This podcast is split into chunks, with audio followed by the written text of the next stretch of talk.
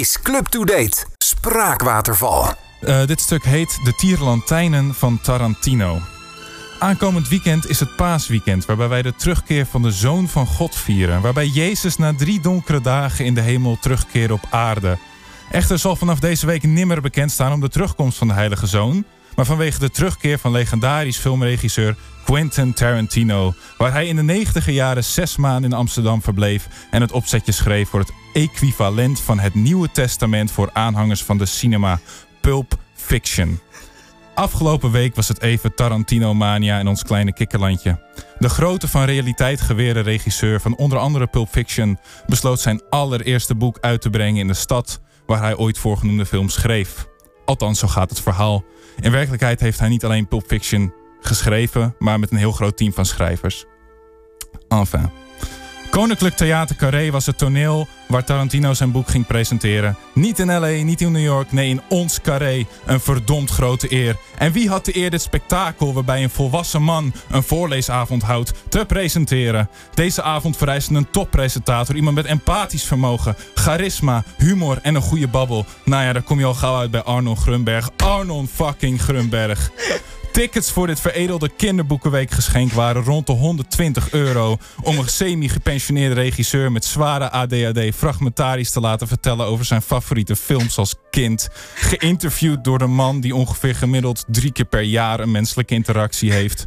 De hele avond lang stak Tarantino veren in de reet van Amsterdam omdat hij er ooit zes maanden heeft gewoond.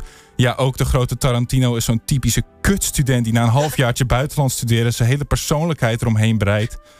Mensen praten elkaar ook allemaal na. Oh, zo bijzonder dat hij hier is, hè? En hij blijft zo gewoon door de gewone straten lopen van het gewone Amsterdam. Bah.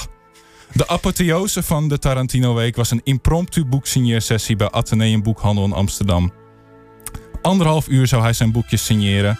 Het personeel van de boekhandel, die gemiddeld 15 bezoekers per dag telt, moest ineens 600 man faciliteren. Wat leidde tot hele nerveuze, introverte mannen met rode vlekken in de nek. In deze rij zag je de typische 40 à 50 jaar oude vaders die na Pulp Fiction nooit meer een goede nieuwe film hebben kunnen zien. Omdat ze vader zijn geworden en helemaal geen tijd meer hadden voor lange films. Maar enkel nog voor Soof 2 op de bank thuis. Onder het mom. Dan hoef je niet na te denken na een lange dag werken.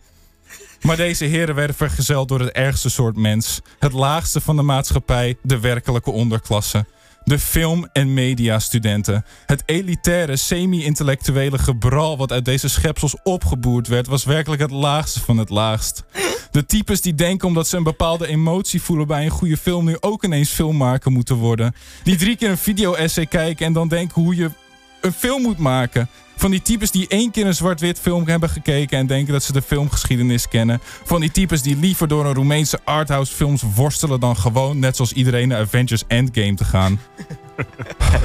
maar goed, dit is mijn gesigneerde exemplaar. En uh, hopelijk begin ik volgend jaar uh, aan mijn studie media en journalistiek. Dat was hem.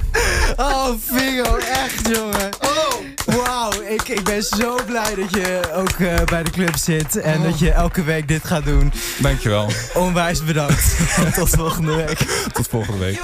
Club to Date. Elke woensdagavond tussen 7 en 9. Op Meer Radio.